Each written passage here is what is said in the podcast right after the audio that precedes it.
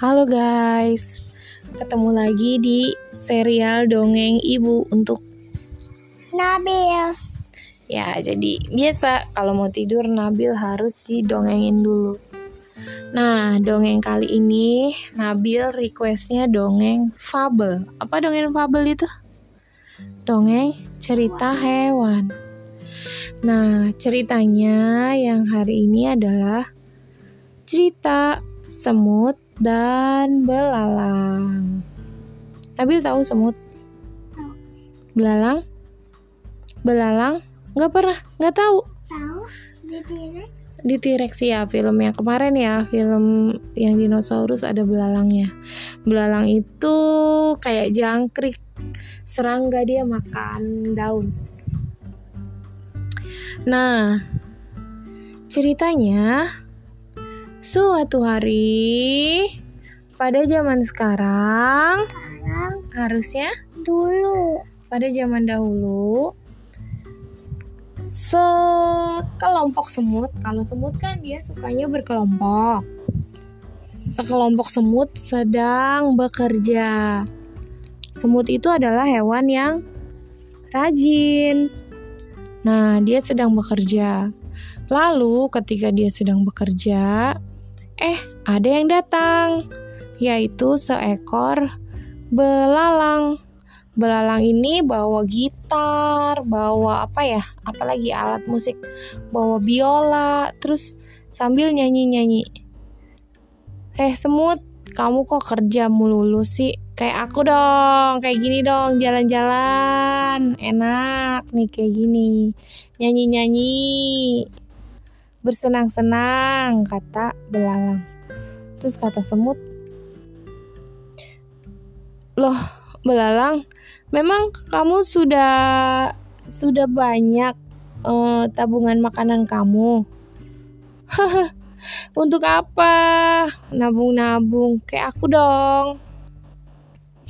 Aku makan. Kalau ada makan banyak ah ini banyak makanan kok tuh kamu aja dapat. Tapi belalang, ini kan sedang musim memang sedang musim panen. Sedang musim hujan. Jadi banyak tumbuhan, banyak biji-bijian, banyak makanan. Tapi nanti kalau sudah musim kemarau, kamu gimana? Ah, semut. Ya udah, kamu nggak asik deh. Udah sana kamu kerja aja. Kalau kamu nggak mau menyanyi, ya udah. Lalu belalang pun pergi sambil menyanyi-nyanyi, sambil memegang gitarnya, dan tidak mempedulikan semut. Sementara semut, dia tetap beker, Ya. bekerja, mengumpulkan makanan, beserta dengan rombongannya. Jadi semut itu hewannya selalu bekerja sama. Ayo yuk ke sana yuk, cari makanan yuk. Nah, terus diangkut, makanannya dibawa ke sarangnya. Nah, terus udah berapa hari, akhirnya udah berapa minggu. Tadinya musim hujan, eh sekarang udah nggak musim hujan lagi. Jadinya musim ke ma lawannya musim hujan kalau musim panas namanya apa? Musim ke marau. Apa? Musim kemarau. Nah, setelah musim kemarau ternyata pohon-pohonnya pada kering. Udah nggak ada buah-buahan lagi. Udah nggak ada daun-daunan lagi. Lalu si semut kayak biasa nih, walaupun gak ada buah-buahan, gak ada daun-daunan, ya dia membersihkan sarangnya. Dia tetap berkeliling mengamankan sarangnya, tetap mencari makan.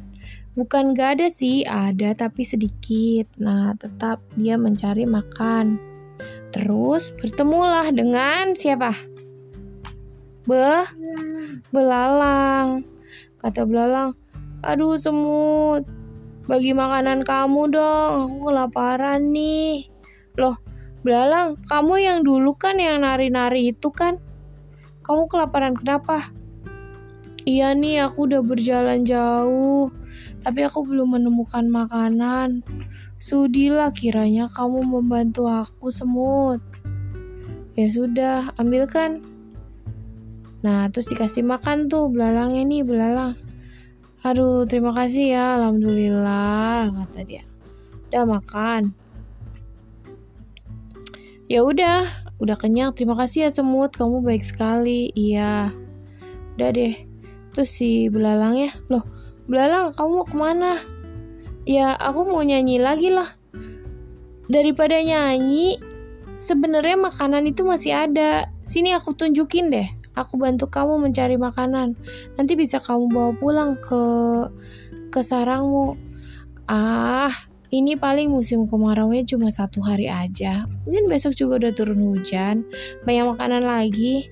Udah makasih ya semut. Lah belalang gimana sih? Ya udah semut tetap bekerja. Eh besoknya belalangnya datang lagi. Semut. Iya ada apa belalang? Bagi dong kayak kemarin. Minta makan aku belum makan nih. Lah kok kamu harusnya bekerja lah sendiri. Ini kami keluarga semut juga banyak. Kami ini menabung untuk satu koloni. Keluarga kami ada ribuan. Kamu kan bisa mencari tuh di sebelah sana tuh masih ada. Belum habis semua. Ah, aku males, aku mendingan menyanyi. Akhirnya, kira-kira pas dia minta ini lagi dikasih nggak? Kenapa? Dikasih nggak sama semut? Eng? Enggak. Enggak, karena ya kata semut si belalang mah pemalas. Dia lebih suka eh, nyanyi-nyanyi, lebih suka jalan-jalan, lebih suka nyanyi-nyanyi gitu. Dia harusnya menabung dulu, mencari makanan dulu. Baru deh kalau mau senang-senang seperti kita ya. Kita kan walaupun gak ngapa-ngapain kita sudah punya banyak eh, simpanan makanan untuk selama musim kemarau ini. Udahlah, kalau si belalang datang lagi cuekin aja. Dia malah mengganggu kita bekerja, kata semut. Lalu besoknya seperti biasa belalangnya datang lagi. Halo semut, bagi lagi dong. Ah, udah kita tinggalin aja si belalang. Gitu ceritanya. Nah, Nabil kalau udah besar nanti mau jadi belalang atau seperti semut? Semut. Semut itu rajin apa pemalas? Rajin. Rajin. Yang pemalas tadi siapa namanya? Belalang. Hmm, kalau anak yang rajin harus rajin juga berangkat ke sekolahnya ya. Ya. Kok ada suaranya? Iya. Iya, oke deh. Sampai di sini dongengnya. Sampai jumpa di dongeng yang lain. Dadah. Bilang Dadah.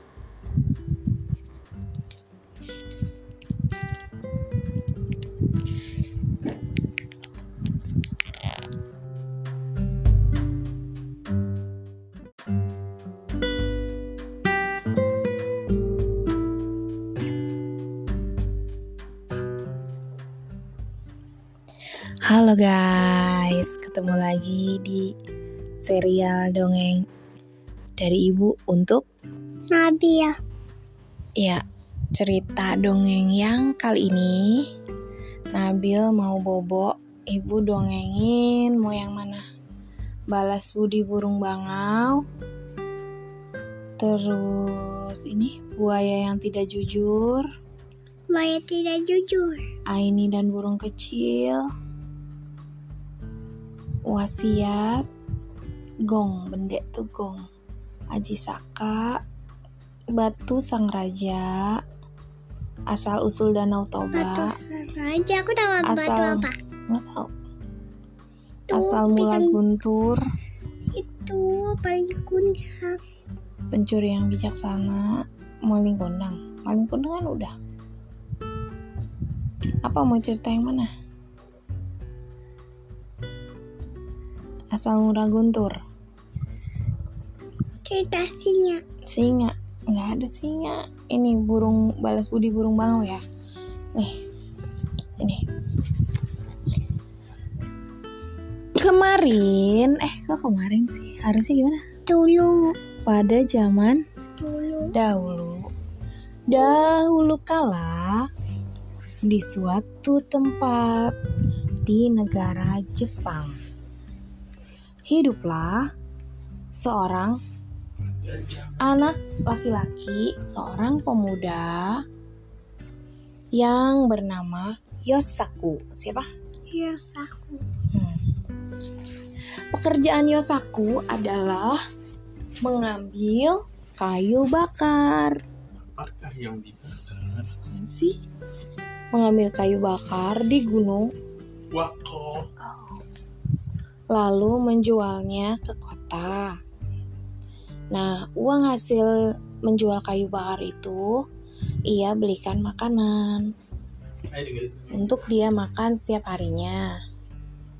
Udah deh dia kayak gitu terus setiap hari mencari kayu bakar lalu menjualnya untuk membeli Mana? makanan. Ih, sehingga pada suatu hari ketika Yosaku pulang dari kota, dia melihat sesuatu yang menggelepar. Menggelepar tuh kayak gimana sih? Eh, eh, eh, gitu ya. Menggelepar di atas salju. Shh, mau pipis dulu. Ya? Kamu udah pipis belum? Belum dulu. Pipis dulu. Udah pipis belum? Udah. Udah. Kapan? Tukang bohong. Pipis dulu. Ingat tukang bohong jadi kayak maling muda. Bukan, bukan maling kundang. Siapa yang hidungnya panjang? Pino, Oke. Pinocchio. Ini udah. Udah belum. Iya. Kamu udah pipis belum? Pipis dulu sana ibu, matiin dulu. Udah. Udah, ayo jangan kayak gitu dong kamu. Gimana? Pipis di mana? Kan batang main. Aku kebelet pengen pipis. Terus sekarang udah pipis lagi belum? Tadi kan minum banyak. Ya udah ntar kalau pipis bilang ya. Ayah, ih. Setelah didekatinya, ternyata yang menggelepar itu adalah seekor burung bangau yang terperangkap, terjerat dia. Dia kena tali. Ih, udah. Dia meronta-ronta minta tolong. Lalu Yosaku melepaskan perangkap itu. Si burung bangau sangat gembira. Dia berputar-putar di atas kepalanya si Yosaku. Berputar beberapa kali, lalu dia terbang. Nih kamu Yosaku yang yang menyelamatkan burung bangau. Burung bangaunya di sini terbang, terus dadah Yosaku, terima kasih kamu sudah menolong aku. Itu ya. Kan di Jepang tadi ya, karena cuacanya sangat dingin, mau pipis ya? Hah? Iya. Ya mau pipis ya. Ih, udah buruan.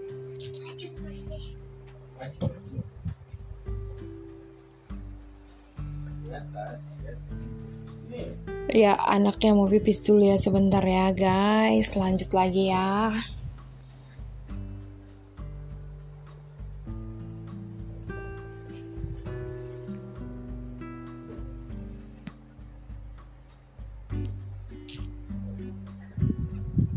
Ini aku bacain cerita yang dari internet ya.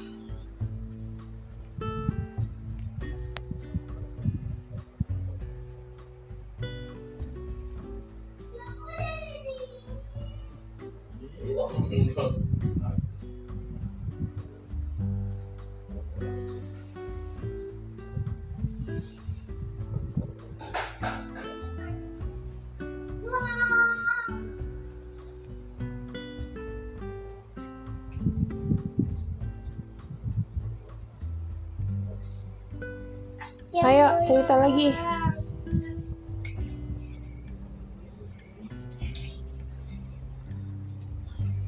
Ayo sini.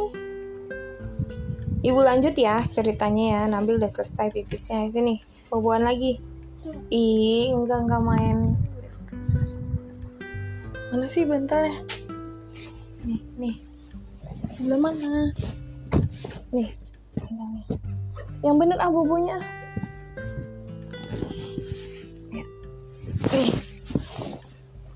Sampai mana tadi? Si burung bangaunya setelah dibebaskan ya dia berputar-putar di atas kepala Yosaku. Dia berterima kasih. Lalu Bangau itu pun sangat gembira. Sampai situ ya tadi ya. Hah? Apa namanya? Bangau ya saku. Burung bangau. Ini burung bangau kayak gini gambarnya.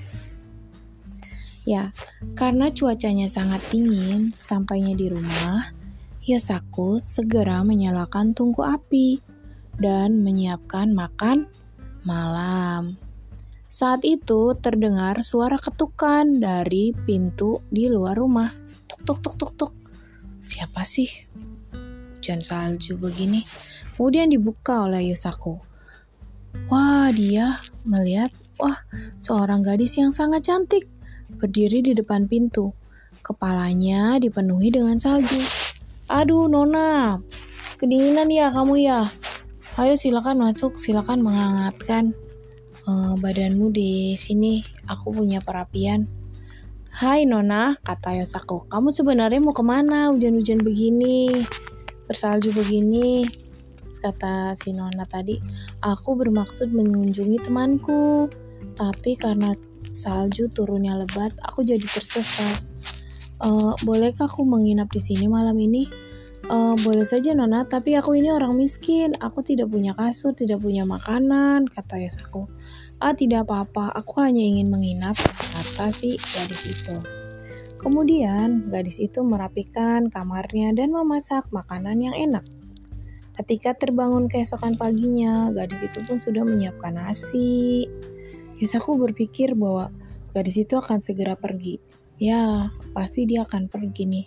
Aduh, aku sendirian lagi, nggak ada temennya. Nah, salju masih turun di luar dengan lebatnya. Tinggal saja di sini sampai saljunya reda, kata Yosaku. Nah, setelah lima hari berlalu, salju mereda. Gadis itu berkata pada Yosaku, Ayo Yosaku, jadikan aku istrimu saja dan biarkan aku tinggal di sini terus di rumahmu, kata si is- si perempuan tadi. Yosaku pun merasa bahagia menerima permintaan itu. Ya udah mulai hari ini. Mulai hari ini mana tadi? Panggillah aku Otsuru, kata si gadis itu. Siapa? Ot Otsuru. Mana?